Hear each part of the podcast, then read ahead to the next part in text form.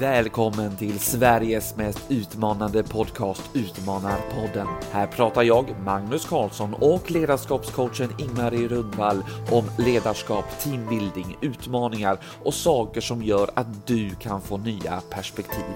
Om du gillar avsnittet får du jättegärna dela det så att fler får chansen att lyssna och det ger oss också spridning på podden.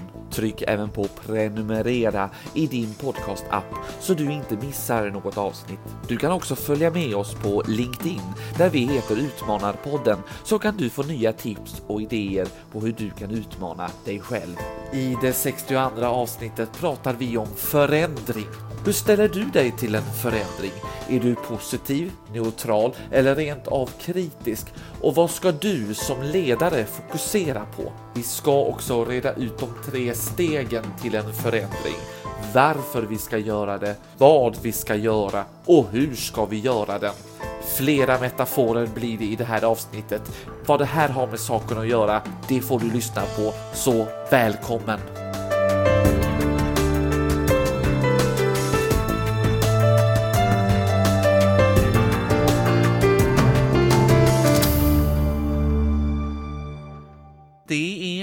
Torsdag, jag och Ingmarie sitter här på Go to 10.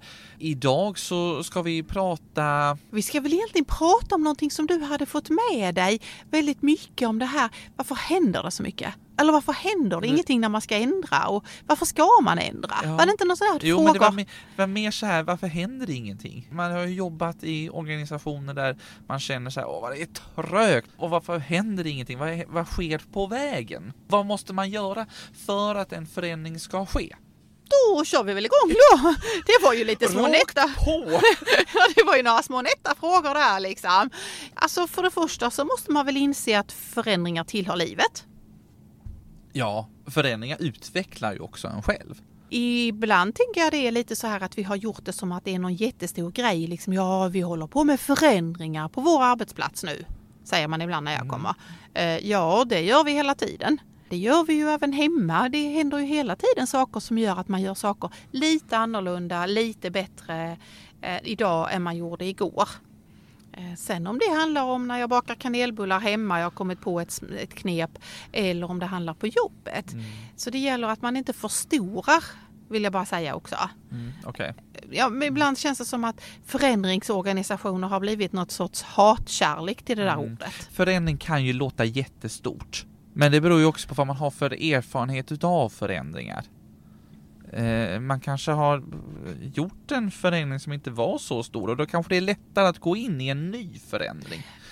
Exakt, eller så har man varit på en arbetsplats där det hände någonting och man kallade det förändring och jag blev av med mina förmåner och jag fick ett annat uppdrag som jag inte riktigt trivs med. Ja men det tror sig katten att man har en, en annan bild då liksom.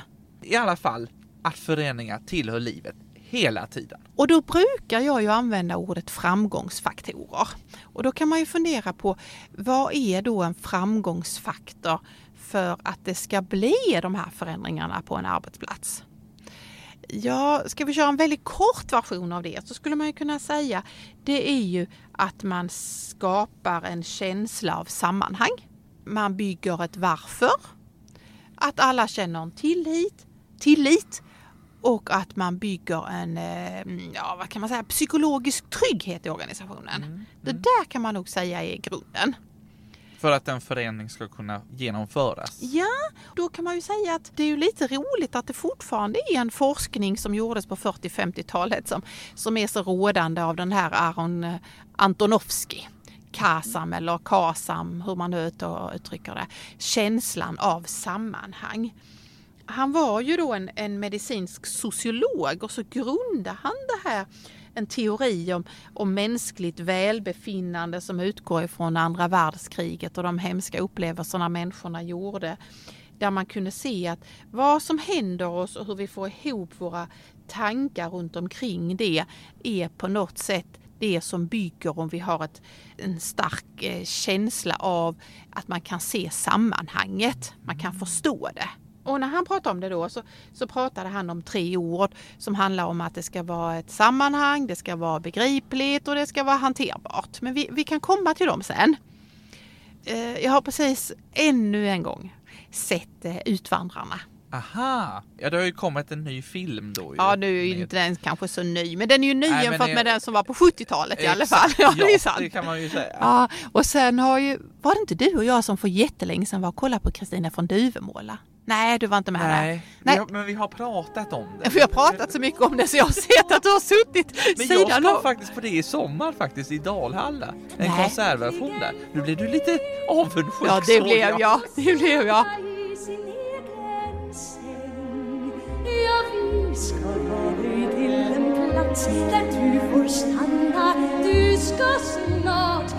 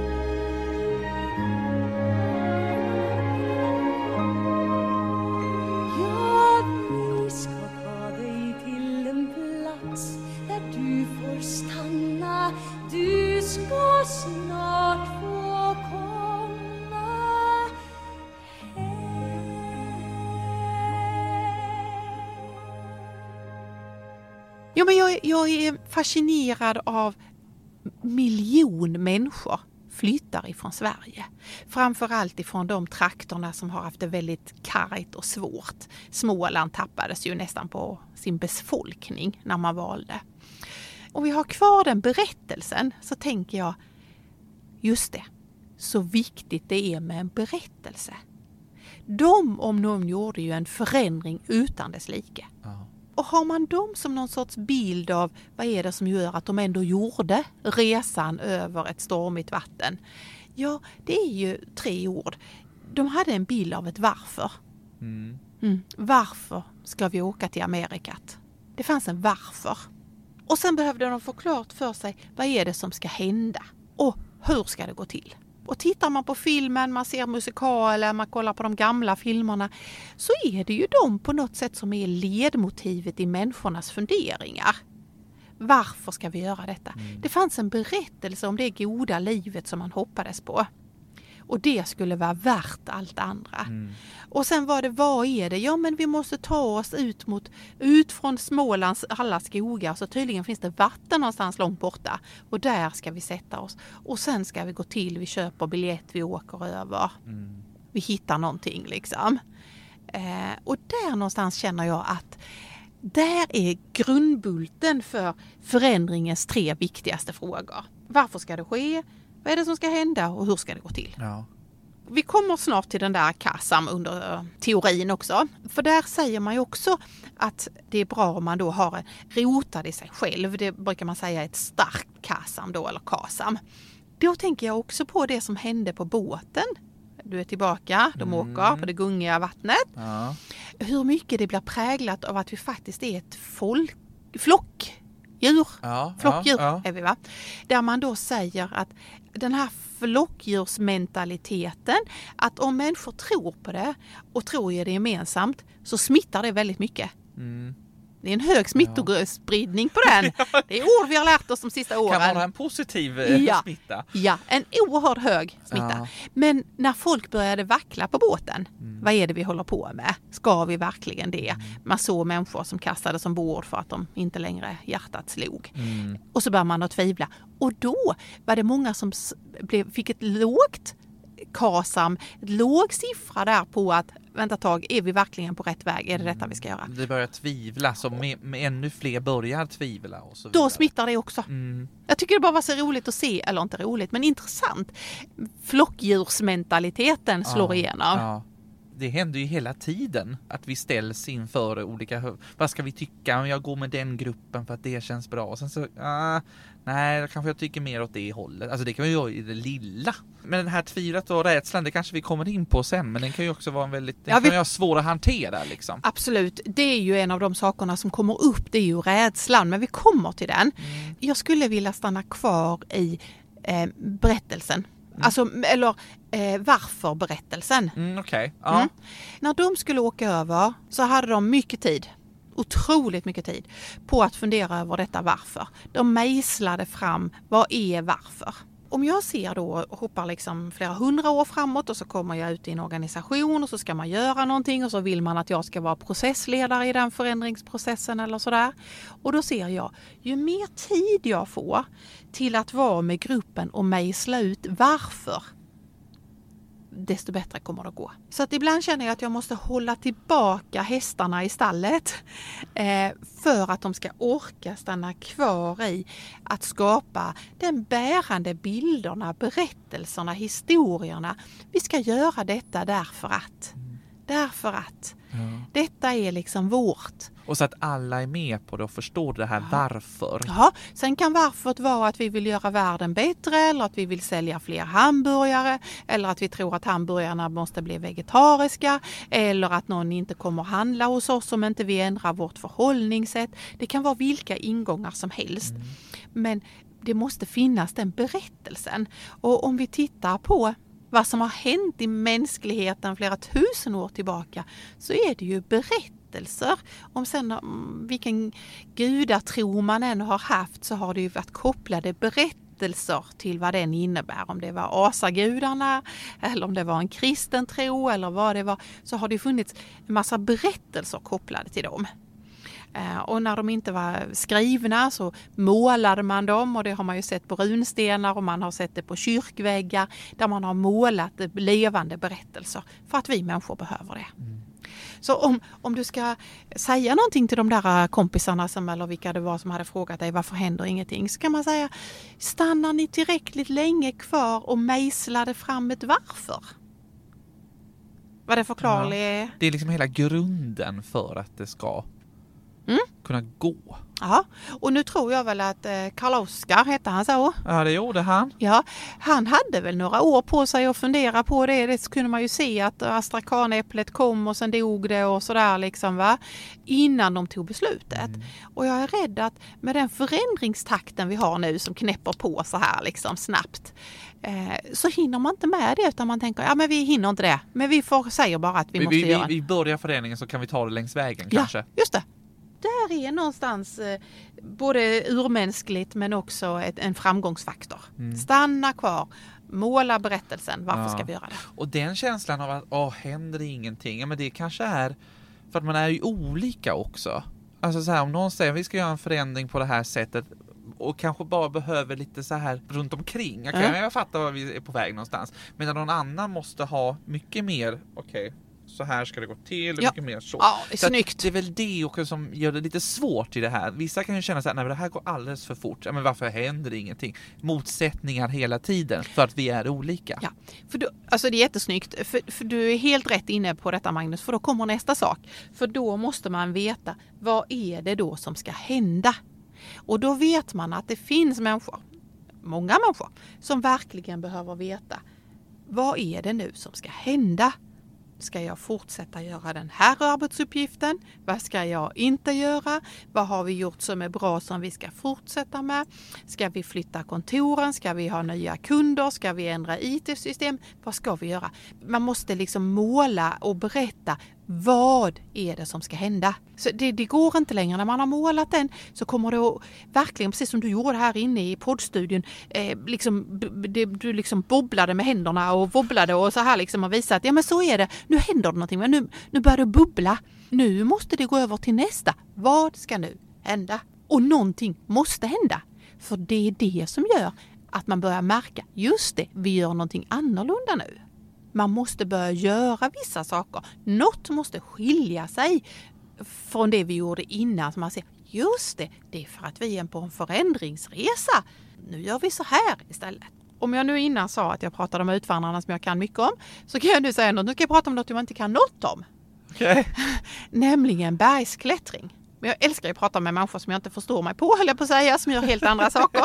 Och då mötte jag bergsklättrare. Och de sa att vad de gör när de ska klättra, det är att de tar ut tre märken framåt. Och sen får man se när man har kommit dit där, vad man då ska klättra höger, vänster eller upp eller ner eller ge upp kanske. Nej men det gör de ju aldrig. Jag tyckte det var en bra bild som jag brukar använda.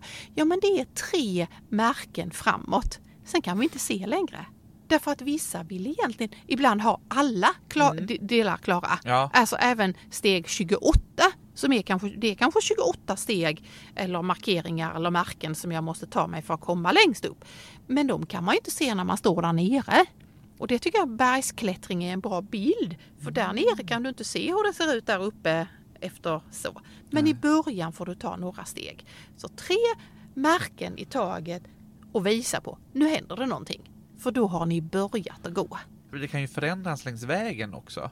Det är ofta det man pratar om i ett agilt eh, eh, arbetssätt. Ja. Liksom att det formas längs vägen. Ja. Men någonstans har man ju ett mål till vad förändringen ska leda till. Ja, så det var liksom varför och sen var det vadet. Ja, men då undrar man ju så, hur ska den här förändringen gå till? Och där gör man ju ofta då att man förstorar det som om det vore en jättestor sak. Därför att den faller ofta på plats när folket vet varför. Nu såg det ut som du förstod någonting där Magnus. För ofta så tror jag att man hoppar över det här varför i sitt eget huvud och börjar redan tänka på aktiviteterna. Alltså hur ska vi komma fram till den här förändringen då? Ge mig det. Och det är då man springer vilse. Ja, För när väl Karl-Oskar och Kristina hade bestämt sig, då blev det ju rätt så naturligt huret vi måste ta oss med häst och kärra härifrån för att komma ut till det där vattnet och där måste vi ta båten. Men det beror på att de hade stannat kvar i- varför så länge, för sen ramlar huren på ner. Har man inte gjort det så får ju ofta man som ledare istället hjälpa till att förklara hur. Nu måste du göra så här, nu gör vi på detta sättet. Eh, nu vill jag inte att du längre flyttar det papper till den eller den mappen till den utan nu gör vi. Men förhoppningsvis så ska ju de falla ner av sig själv när varför och vadet finns där. jag kan ju bara liksom ta det till den egen organisationen där vi håller på att göra en, en varumärkesförflyttning, alltså en förändring.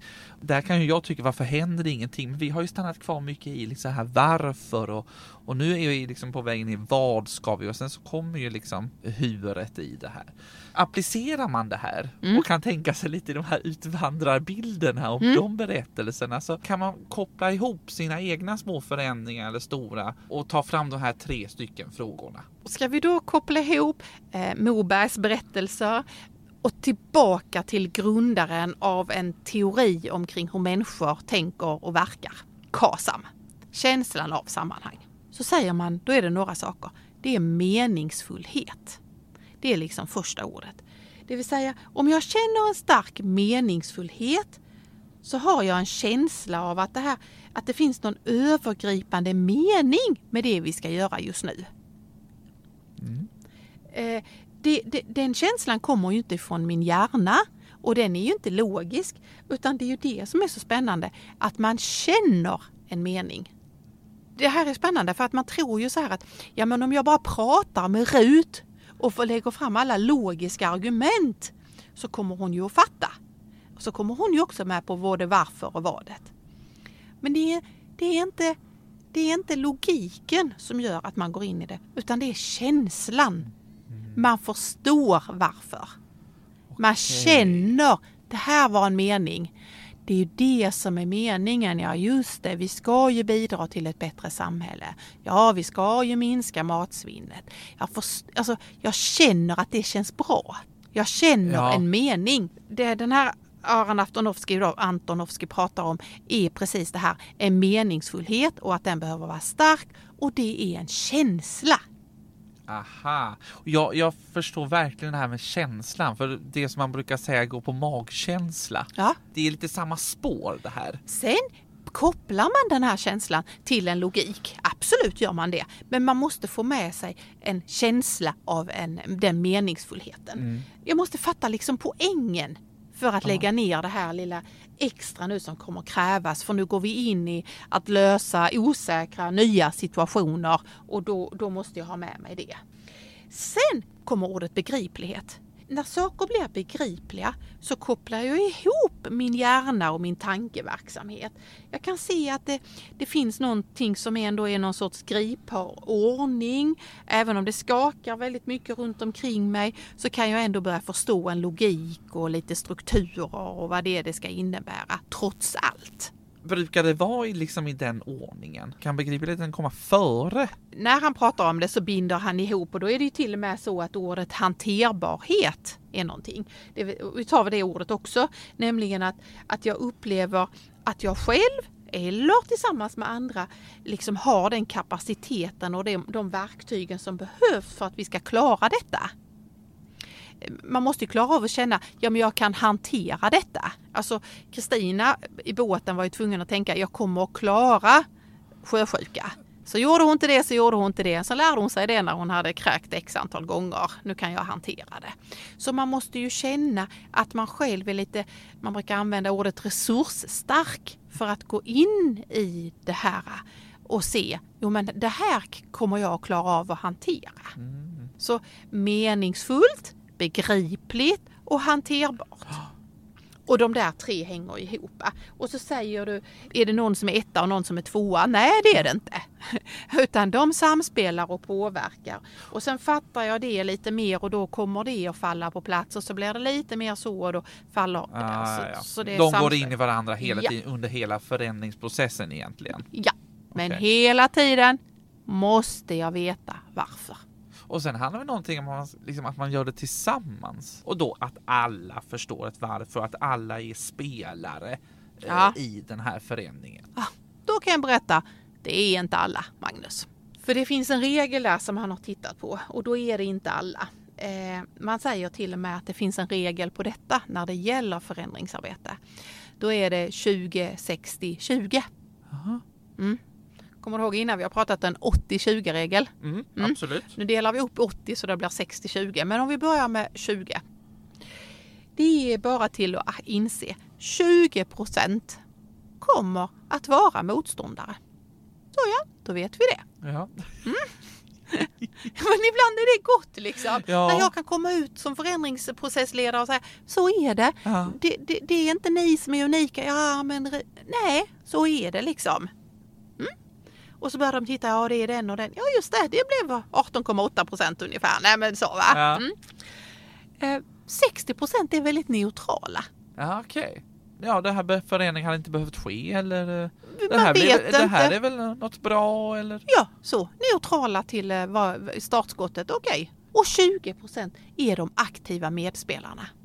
Och ska vi då koppla ihop det till det vi har pratat om innan, en 80-20, så kan man säga att det är fortfarande 80 procent som du ska fokusera på. För det är de neutrala och medspelarna som du ska ha med dig. Mm.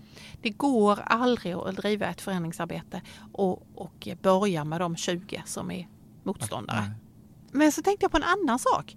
Eh, visst sa du någonting om eh, rädsla? Ja, rädslan. Jag tänker på de här aktiva motståndarna. Mm. Eh, är det de som har mest rädsla för förändring eller? Alltså egentligen tror jag det är så här att vi generellt har två ingångar som människor. Det här är jag verkligen bara helt ute och tänker alla Ingmar i. Så fråga inte om någon filosof om detta. Utan nu är jag i Ingmarits filosofiska hörna. Och då tänker jag så här. Eh, ja, jag tänker att när det är någonting som händer oss, som det ska, vi ska gå in i någonting. Så antingen så blir vi rädda eller så blir vi energieffektiva. För du får ändå tänka liksom, vi har haft ett rätt så tufft liv som mänsklighet. Eh, många som har strukit med under många tuffa år och sådär. Om vi tänker på mänskligheten.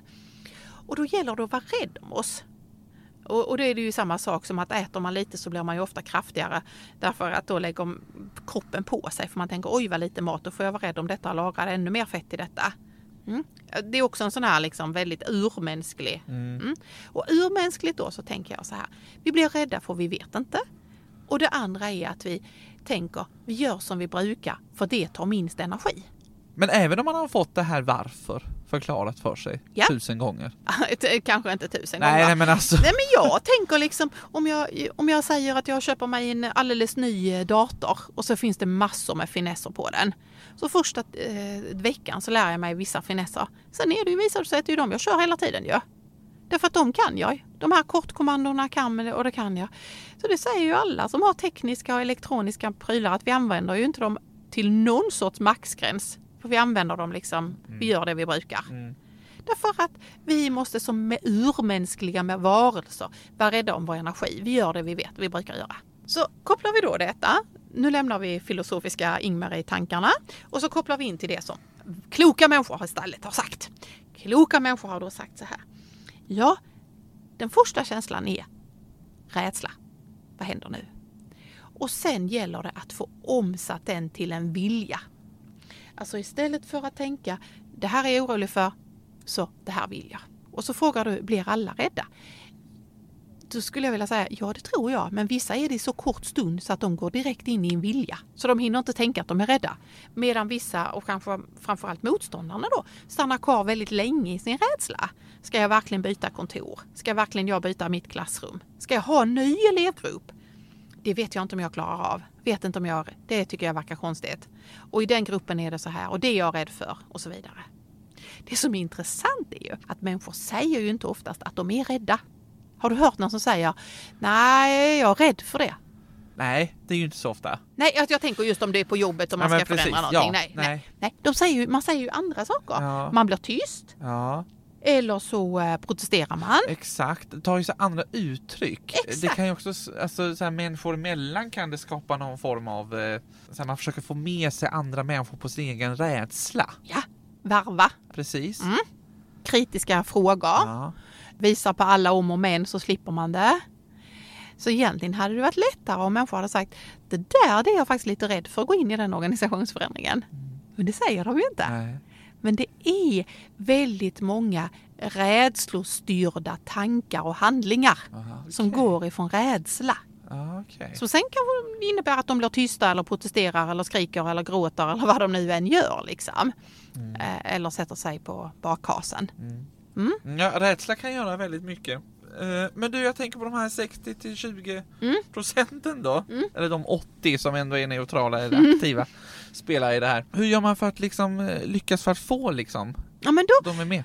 Men då tror jag att jag sa en sak innan. Det är det här att, att eh, få dem till att märka. Vi gör tre saker nu. Nu tar vi de här tre märkena upp på bergsklättringen. Nu gör vi annorlunda. Och, och ibland är det så här att de där sakerna är väldigt små saker. Men för att få igång det du sitter också här och pekar med händerna och nu pekar jag också. För att få igång en rörelse så måste man börja med att göra någonting så att det börjar att röra sig. För när det har börjat att röra sig så kan det hända saker. Och det är ju lättare att det ska fortsätta. Sen är det ju sådana här saker som att man som ledare måste hela tiden berätta samma berättelser. Man bygger, måste bygga en tillit, man måste vara nära dem för det är ju osäkert ju. Därför att när man ibland när man startar förändringsresor så är det ju som att man börjar gå på någonting utan att se vad är nästa steg. Och, och då måste man ha en rätt så tro, då måste man ha byggt liksom i gruppen någon sorts mentalitet, flockdjursmentalitet. Det här kommer vi att klara. Ja. Och att det är på det här sättet som vi gör och att, att folk är medvetna om det. Att vi jobbar på det här sättet i just den här förändringen. Mm.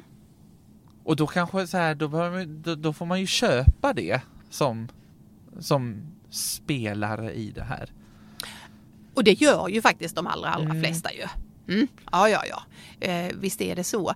Men om man tittar på ledaren är ju jätteviktig för att det ska hända någonting där hos dina jobbarkompisar eller hos dina kollegor som du hade pratat med som tycker att det händer ingenting. Så är ju ledaren jätteviktig. Och, och det ledaren då måste tänka det är ju att, att orka stå kvar. För när jag mm, och orka fortsätta. Eller vad man ska säga. Man kanske tycker så här, jo men det är kanske ändå, man kanske får med sig de där, några av de där 60 procenten och tycka att ja men det, det här är ändå lite roligt. Det här ska vi nog eh, så va. Men sen började det bli lite jobbigt för sen innebar ju att jag måste ju ändra någonting ju. Alltså det var ju inte bara alla andra, det var ju till och med jag. Och då blev det lite jobbigt och så var det nya rutiner och så var det nytt för det. Och nej, det var inte likadant och sådär va. Och så kanske det finns någon som tänker, men det där har, försökte vi göra för, för 20 år sedan, det funkade ändå Nej, inte. precis. Alltså, Ja. det finns ju en sån, en historia i det här också. Ja, som gör att, att, att det finns en risk att man som ledare inte orkar stå kvar eller inte orkar våga och sådär liksom. Utan då, men då kanske man börjar backa och men börjar man sända tvivel som ledare så blir det ju absolut tvivel i hela organisationen och sådär ju. Men finns det då några stycken sådana där faktorer som påverkar det? Hur ska, det, hur ska man göra om det, om det är någon som... Ja men det Eh. finns det ju men, men om jag bara ska säga en kanske så är det nog faktiskt eh, låt alla få lära sig cykla i sin egen takt. nu ska jag förklara den bilden.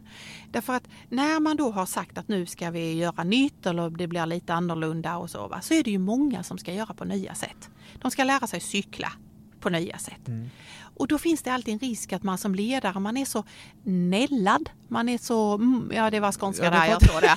Jag förstod det. Man är så nällad, man är så, man är så mån om, man är så på hugget, man är så eh, laddad, taggad för att det ska bli bra. Va? Så man nästan springer sidan om alla som håller på att lära sig cykla och säger Nej men eh, jag testar dig, jag, kollar, jag kontrollerar dig nu, nu är det va. Du, du sitter lite för mycket åt vänster, det är därför du ramlar. Och eh, jag kollar på dig där, du lutar dig lite för mycket fram på sadeln och jag kollade dig där och där. Och så kontrollerar man. Och det här är ju jättekonstigt men jag skulle vilja säga så här. Som ledare måste man kontrollera mindre. Man måste få låta människor få testa och göra fel. För att när de har gjort det i sin egen takt så kommer de att komma på att de satt för mycket åt vänster. Det var därför cykeln ramlade. Eller lutade eller så. Va? Men man måste få lov att göra det själv. Är du med? Ja, jag förstår precis. Att man springer liksom sidan om och kollar och kollar för man vill så, man vill. Man är nällad.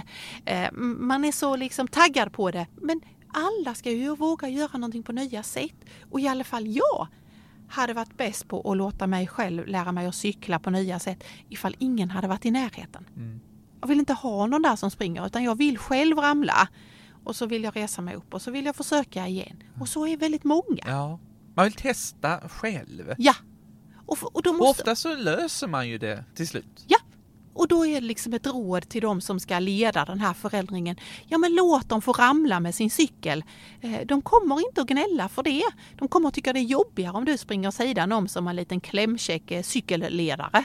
Den där cykelledaren, den har jag aldrig nämnt innan. Den var Nej, kanske en bra den metafor. Kanske, den kan du ha på dina föreläsningar tycker jag. Det är väl inte så märkvärdigt tänker jag. Den är ganska bra. Vi har haft mycket metaforer i det här Ja, avsnittet. mycket, Liksom mycket. här utvandrarna och sen så kanske man också så som, ja, men som lyssnarna och även jag får upp bilder från sin egen organisation och kan Mm. liksom ta det till det och sen så fick vi nu den här cykelledaren på slutet. Ja.